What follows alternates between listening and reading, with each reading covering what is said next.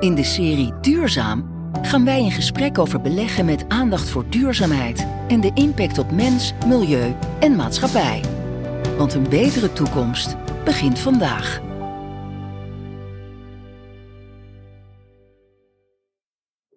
Begin november was de klimaattop in Glasgow, waar veel wereldleiders bij elkaar kwamen om uh, tot nieuwe afspraken te komen, om tot een duurzame samenleving te komen. Van Landschot Kempen heeft zelf een belegd vermogen van meer dan 100 miljard euro en heeft zelf ook een grote invloed op de wereld. Daar ga ik vandaag over in gesprek met Lars Dijkstra, het hoofd duurzaamheid van uh, ja, de vermogensbeheerder. Lars, hoe zit dat met die invloed? Hoe groot is die? Ja, die is, uh, die, die is enorm groot. Uh, als je, je kan met je vermogen uh, van de gemiddelde klant die wij hebben heel veel impact maken. Hè? natuurlijk, als, als consument, als burger moet je vooral minder lang douchen, minder vlees eten, elektrisch rijden, zonnepanelen op het dak gaan leggen. Al, al dat soort dingen kun je thuis doen, moeten we ook doen. Maar de impact die je kan hebben zeg maar, met je vermogen en dat op een duurzame manier in het bedrijfsleven aanwenden en invloed hebben ja, die is vele malen groter. Ja, en in wat voor orde van grootte praten we dan over?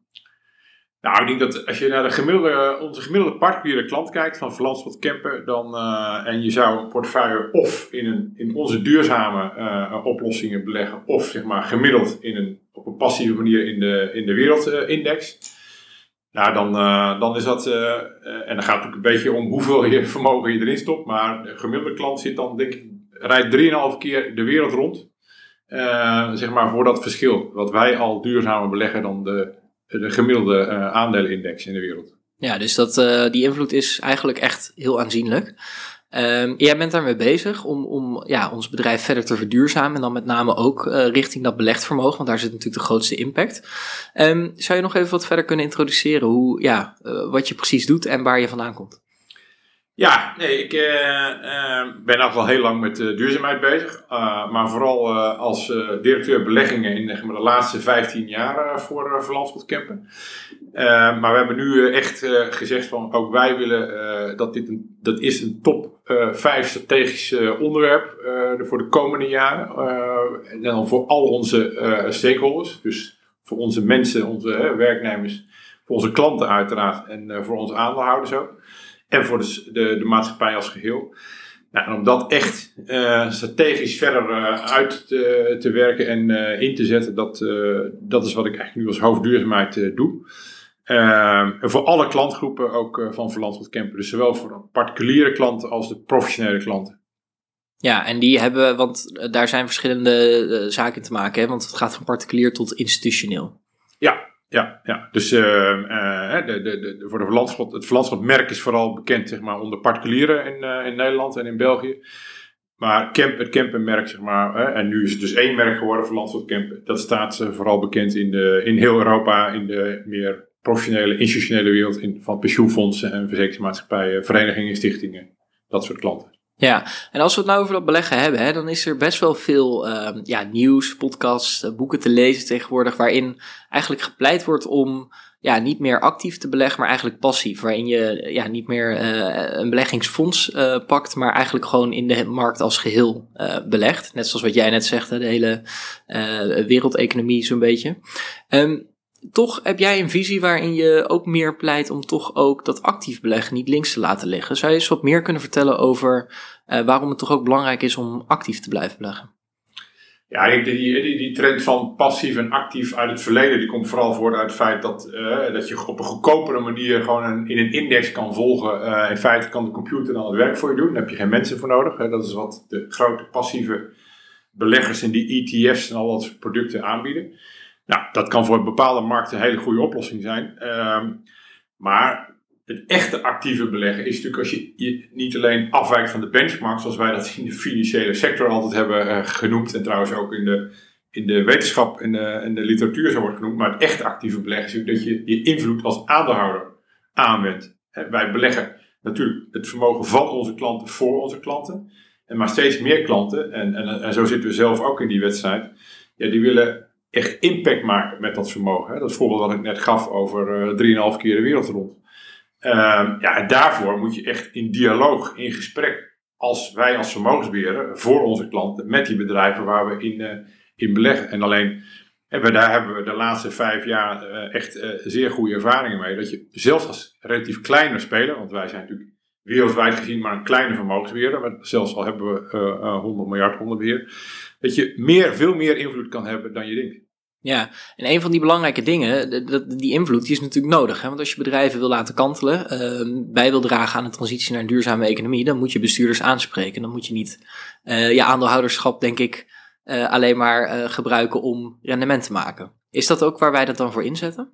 Ja, onze, onze filosofie is steeds meer dat je, als je zeg maar, in een bepaalde sector 20% van de koplopers in die sector in beweging krijgt. Nou, neem de, de olie- en gasindustrie, wat nog steeds het belangrijkste voorbeeld is. Wat ook in Glasgow heel erg, de fossiele industrie. dus neem, uh, we zijn, wij, wij, zijn aandeelhouder van Shell, dat waren we ook vijf jaar geleden al. Uh, en we zijn toen al met het management van Shell in gesprek gegaan. En Shell was uh, een van die koplopers. En als je die koplopers in de goede richting krijgt, dan volgt, dan is de theorie, en dat zien we ook in de praktijk de laatste vijf jaar gebeuren, dat die, die 80% achterblijvers vanzelf volgt. Want zo werkt natuurlijk ook het concurrerende speelveld. Nou, Shell gaat wat ons betreft nog niet snel genoeg. Uh, maar eh, na Shell zijn en Total in Frankrijk, en Equinor in Noorwegen, en BP in Engeland, en nu zelfs dit jaar Exxon en Chevron in Amerika, wel degelijk in beweging gekomen om in die, eh, die energietransitie te versnellen door meer van hun kapitaal te allokeren en te investeren in, uh, in wind, zon, uh, waterstof, hydrogen, uh, al die nieuwe ontwikkelingen, nieuwe technologieën. Dat moet sneller, dat is duidelijk in Glasgow ook gebleken. Maar ehm, ja, die, die invloed als aandeelhouder, en natuurlijk, dat doen we niet in ons eentje, dat doen we met een groep Nederlandse aandeelhouders. We hebben in het begin met Follow This gedaan, maar we doen het ook in een, in een grote groep met internationale aandeelhouders. En dan, ja, dan blijkt die groep, die groep door echt serieus in gesprek te gaan met het management van die bedrijven wel degelijk wel degelijk veel te kunnen bereiken. Ja, want wat je eigenlijk zegt is, we willen niet het bedrijf in beweging krijgen, maar de markt in beweging krijgen. Ja, kijk, als je, je kunt, natuurlijk, er zijn meerdere wegen naar Rome. Dus je kunt ook zeggen, wel, een andere strategie is, wat je ook anderen uh, uh, wel ziet doen, is van we stappen eruit. Hè. We stappen helemaal uit olie en gas, want dat is de snelste manier om onze portefeuille zeg maar, schoon te krijgen of groener te krijgen. Dat kan. Ehm, maar goed, dat is dan een eenmalige beslissing. Maar daar, daar, ja, dan geef je ook in feite je invloed uh, voor de toekomst uh, naar die sector op. Uh, en wij ja, we hebben hele goede ervaringen met, zelfs met, nou, laat ik een ander voorbeeld noemen, een nutsbedrijf in Hongkong. Waar wij nog niet eens aandeelhouder van waren, maar waar onze mensen zeg maar de due diligence aan het doen waren om daar misschien in te gaan beleggen. Uh, dat is een, een, nutsbedrijf wat genoteerd is in Hongkong, maar wat in mainland China uh, haar, uh, haar steenkool en al die andere nutsfabrieken had. Nou, die waren nog van plan de komende vijf jaar om nieuwe kolencentrales te gaan openen. Onze mensen zijn daar met het management, de CFO, op dat, je moet wel op dat niveau gelijk in gesprek zien te komen. zeiden, nou, wij zijn nog geen aandeelhouder van jullie, we zijn een potentiële aandeelhouder en we kijken naar, maar dit is voor ons wel een rode vlag. Uh, lang verhaal kort, na negen maanden, na intensieve gesprekken, brengt het bedrijf een persbericht uit. hey, benader inzien, we gaan niet die 5 miljard in kolen beleggen, maar in zon en wind in mainland China. Uh, en we hebben met dat bedrijf die rekensommetjes gemaakt en ons huiswerk heel goed gedaan. En ook laten zien dat het niet alleen eh, een goed, goede duurzaamheidsbeslissing was, maar ook een goede financiële beslissing. En juist die win-win tussen die twee, daar gaat het ons om in de toekomst om. Ja, want uiteindelijk zijn we nu in transitie natuurlijk. Um, als je toch besluit om uit te stappen grootschalig, um, ja, hoe, hoe zit dat dan? Want de geluiden zijn natuurlijk ook die daartegen ingaan. Um, ja, we praten al zo lang met dit soort bedrijven. heeft het wel nut? Ja, nee, dat is een hele goede vraag. Eh, dat, dat doen wij uiteindelijk ook. Als wij, hè, voordat wij met bedrijven in gesprek gaan, hebben we voor onszelf duidelijke milestones neergezet. Dus piketpalen van wat willen we bereiken en hoeveel tijd geven we onszelf daarvoor. Daar publiceren we ook gewoon op onze websites de voortgang uh, mee. Dus dat kan iedereen volgen. Uh, maar je hebt natuurlijk wel, als je bezig bent met de energietransitie, zeker een aantal jaren nodig om, om echt voortgang te maken. Je kan niet na twaalf maanden zeggen, nou, dit, dit, dit was het dan, is niet gelukt, het bedrijf wil niet. Soms, hè, uh, Exxon is wel een goed voorbeeld. Daar zijn we ook mee gestart met die dialoog, daar hadden we wel vrij snel uh, het idee van een paar jaar geleden, nou, dat, dat gaat heel lang duren. Dus daar hebben we inderdaad ook uiteindelijk wel afscheid van genomen. Ook al zijn ze dan dit jaar eindelijk een beetje in beweging gekomen.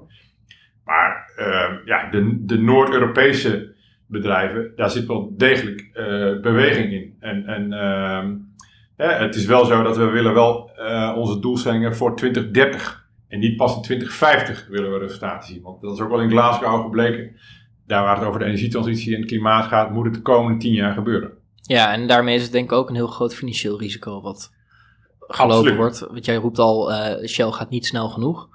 Um, ja, dat lijkt me ook als ja, waar onze kernkwaliteit natuurlijk ook liggen van hoe groot zijn die risico's. Absoluut. Dus, dus vooral, het is, ja, wij zijn echt op zoek naar die win-win tussen financieel en duurzaamheidsrendement en risico's. En uh, nou, dat, dat, stranded assets dan als het, bekendste begrip van wat de risico's zijn.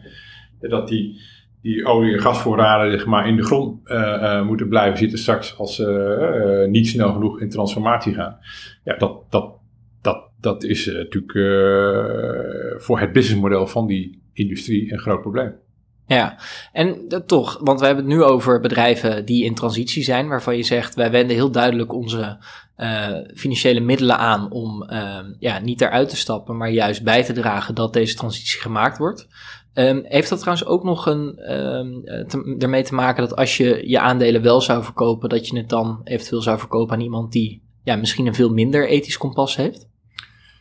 Ja, dat, dat, dat, die kans is natuurlijk vrij groot. Uh, zeker in deze sector, uh, waar natuurlijk ook veel staatsbedrijven zijn in, uh, in, in Saoedi-Arabië en het Midden-Oosten en Rusland, waar die, die helemaal niets hebben met deze filosofie of voorlopig nog niet echt genegen lijken om, om duurzaamheid serieus te nemen.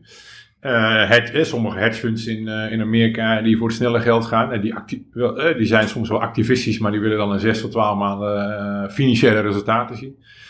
Uh, ja, dus uh, echt met, met steeds grotere groep lange termijn beleggers uh, dit proberen, ditzelfde proberen te bereiken. En daar is wel het goede nieuws. Hè. Uh, ook dat is in Glasgow wel duidelijk geworden. Dat de financiële sector ja, toch heel snel allemaal Paris-aligned net zero doelstellingen ontwikkelt. En natuurlijk, geen woorden maar daden, zeggen ze in Rotterdam. Moet, papier is geduldig, moet ook gelijk tot actie en, leiden en transparantie. Maar uh, ja, daar zijn wij als Verlandse Camp erg voor. En, en, en, en uh, we besteden ook veel tijd om dat met onze peers en partners, want die kunnen natuurlijk niet alleen, zoals ik net al zei, uh, uh, daar, ja, daar meer snelheid in te maken. Ja, en een van de voorbeelden daarvan is dat wij eigenlijk al jarenlang ook de klimaatresoluties van Follow This ondertekenen. Ja, onder andere. Maar uh, we maken natuurlijk altijd onze eigen, onze eigen afwegingen als wij stemmen. Hè. Het, niet alleen in gesprek gaan met, met bedrijven is belangrijk, maar ook stemmen op aandeelhoudersvergadering is belangrijk. Dat, dat, dat doen we zelf. Dat doen we op ons basis van ons eigen beleid. We maken eh, bij al die ondernemingen waar we als aandeelhouder zijn onze eigen afwegingen. En scherpen dat ook ieder jaar steeds verder aan, wat we daar kunnen verbeteren. Uh, maar het helpt natuurlijk als je soms met een groepje gelijkgestemden uh, kan optrekken. Dat, datzelfde uh, doen we via een medium, een Nederlandse groep institutionele beleggers, ook veel. Ja, en nou kan ik me voorstellen, dit is natuurlijk echt ehm, je geld aanwenden om invloed uit te oefenen om een transitie voor elkaar te krijgen, hè, een hele sector veranderen. Ik kan me ook voorstellen dat je het geld aanwendt om um, bedrijven die ja, eigenlijk in die transitie zelf zitten en al helemaal op het goeddoen vlak zitten. Waarmee je niet per se met het bestuur in gesprek gaat over wat er nog beter moet. Maar dat dat een hele andere categorie van uh, beleggen is. Dan zit je wat meer richting de impact kant. Um, klopt dat? Doen wij daar ook wat mee? Hoe zit dat? Ja, nee, eh, dus natuurlijk. Aan de ene bedrijven die zeg maar, uh, in sectoren die achterlopen, die, die, te helpen en te versnellen die transformatie. En anderzijds wil je natuurlijk het kapitaal van de klanten daar allokeren waar je ook waar, waar je in de nieuwe sectoren uh, zeg maar het snelst uh, ook, ook helpt en dat rendement kan maken. nou, wind en zon zijn al, al, al langsgekomen, maar misschien een ander mooi voorbeeld van waar we dit jaar, begin dit jaar mee begonnen zijn, is in de, in de landbouw. We weten allemaal, ook in dit land, daar zijn we best goed in, maar dat kan wel een stukje meer regeneratiever, zoals we dat noemen. Dat je echt zoals om dan toch één keer een Engelse zin te gebruiken, putting, putting life back into the soil. Dat vind ik een prachtige uitdrukking. Hè? Dus, ja, dat je het eh, niet alleen maar uitput, maar dat je ook wat leven teruggeeft precies, aan... Uh... Precies, en wij hebben een, uh, een, een farmland fund gestart begin dit jaar met hulp van onze, een aantal van onze grote bestaande klanten. daar is ook nog heel weinig in de wereld beschikbaar of, of focus op. En iedere individuele belegging, die natuurlijk een, per definitie een lange termijn belegging is, om bijvoorbeeld te noemen, we hebben met onze klanten uh, olijfgaard in Portugal gekocht. werk aan kiwi met kiwiboeren in Nieuw-Zeeland. met amandelboeren in Californië. maar iedere individuele belegging aan de voorkant met die boeren en die lokale partners moet, maken we een heel duurzaamheidsplan op. Oké, hoe gaan we de komende vijf à tien jaar zowel een financieel rendement maken als dat regeneratieve uh, aspect echt uh, ja, vormgeven. Ja, en dat is natuurlijk een hele andere manier van uh, investeren. Uh, ook belangrijk. Dus eigenlijk zijn dat denk ik de twee pijlers waar we dan naar kijken. Hè? Dus waar ik mee begon, hè? hoe groot is, is die invloed die we hebben? Dus aan, het ene, aan de ene kant de bestaande industrie uh, veranderen en aan de andere kant nieuwe industrieën ook voorzien van financieel kapitaal om zo ja, te zorgen dat die transitie naar een duurzame samenleving gemaakt wordt, denk ik. Absoluut. En, en, en daarbij is natuurlijk heel belangrijk ook dat je ook kan laten zien en meten. Dus niet alleen via op onze website, maar dat er ook een standaard, eh, wereldwijd een nieuwe standaard wordt ontwikkeld, waarin we op dezelfde manier en definities praten uh, en, en, en, rapporteren over die voortgang.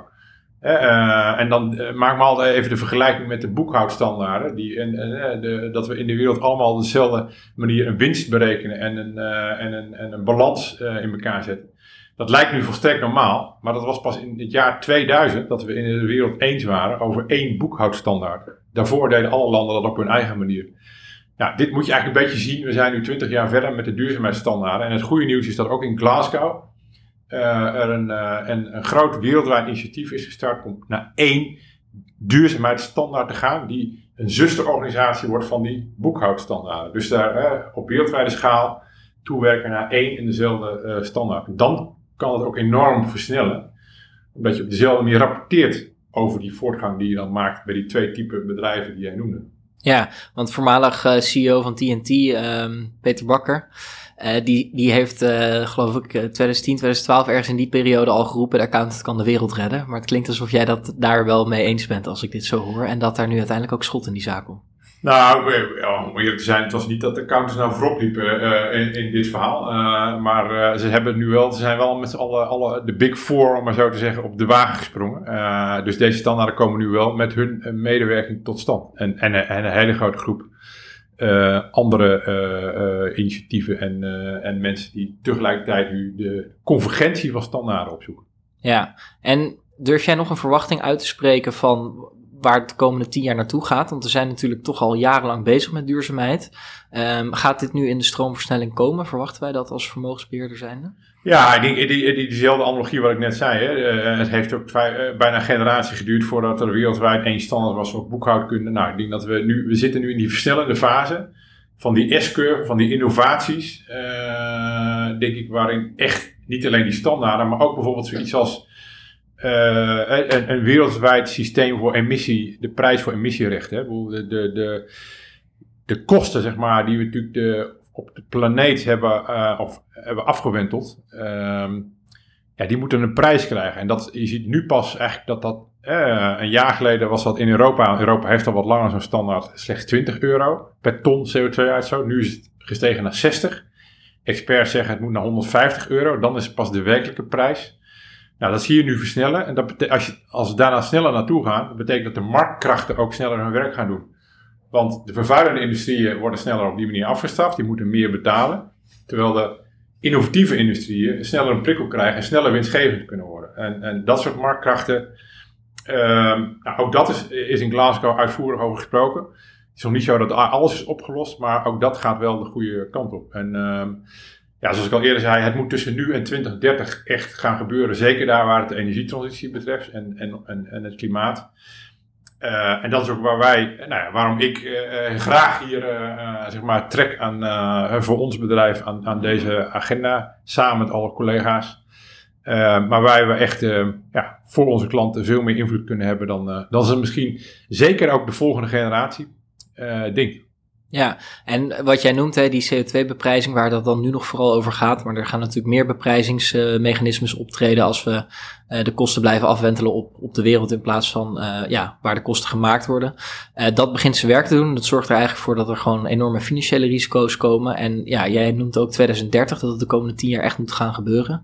Mochten we dat niet doen, dan worden de risico's volgens mij ook wel heel groot met dat de natuur uh, ja, niet meer zo werkt als wij. En dat hebben we natuurlijk ook al de afgelopen jaren gezien, dat er uh, ja, gewoon ecologische impact komt. Ja, we hebben altijd de neiging te denken als mensen dat dan, hè, we praten vaak over de planeet is het risk. Nou, die planeet blijft wel bestaan na 2030, maar wij zijn zelf het risk. Uh, en als, als, als menselijke schort. Dus ja, het is volstrekt in ons eigen belang om, nou, dat hebben we natuurlijk met alle ook steeds meer hè, eh, met de overstroming in Limburg zien we dat nu uh, ook in Nederland. Maar die pijn voelen, zeg maar, van dat de wereld uh, echt aan het veranderen is als we niet heel hard met z'n allen de schouders eronder zetten. Dat we uh, die. Want het is een exponentieel probleem. Het is niet een lineair probleem, klimaatverandering. het gaat steeds sneller en die tipping points, die moet je voor zijn. dus nou, het is absoluut ook aan het bedrijfsleven en de financiële sector samen om hier versneld zeg maar, actie te ondernemen. Ja, jij noemt schouders eronder zetten, dat gaan we doen. Dus dank voor jouw tijd, Lars. Graag gedaan. U luisterde naar Duurzaam, een serie binnen de podcast van Van Landschot Kempen. Wilt u anderen meenemen in dit belangrijke onderwerp? Deel deze podcast dan op social media. Wilt u zelf op de hoogte blijven van duurzaam beleggen? Abonneer u dan op dit kanaal.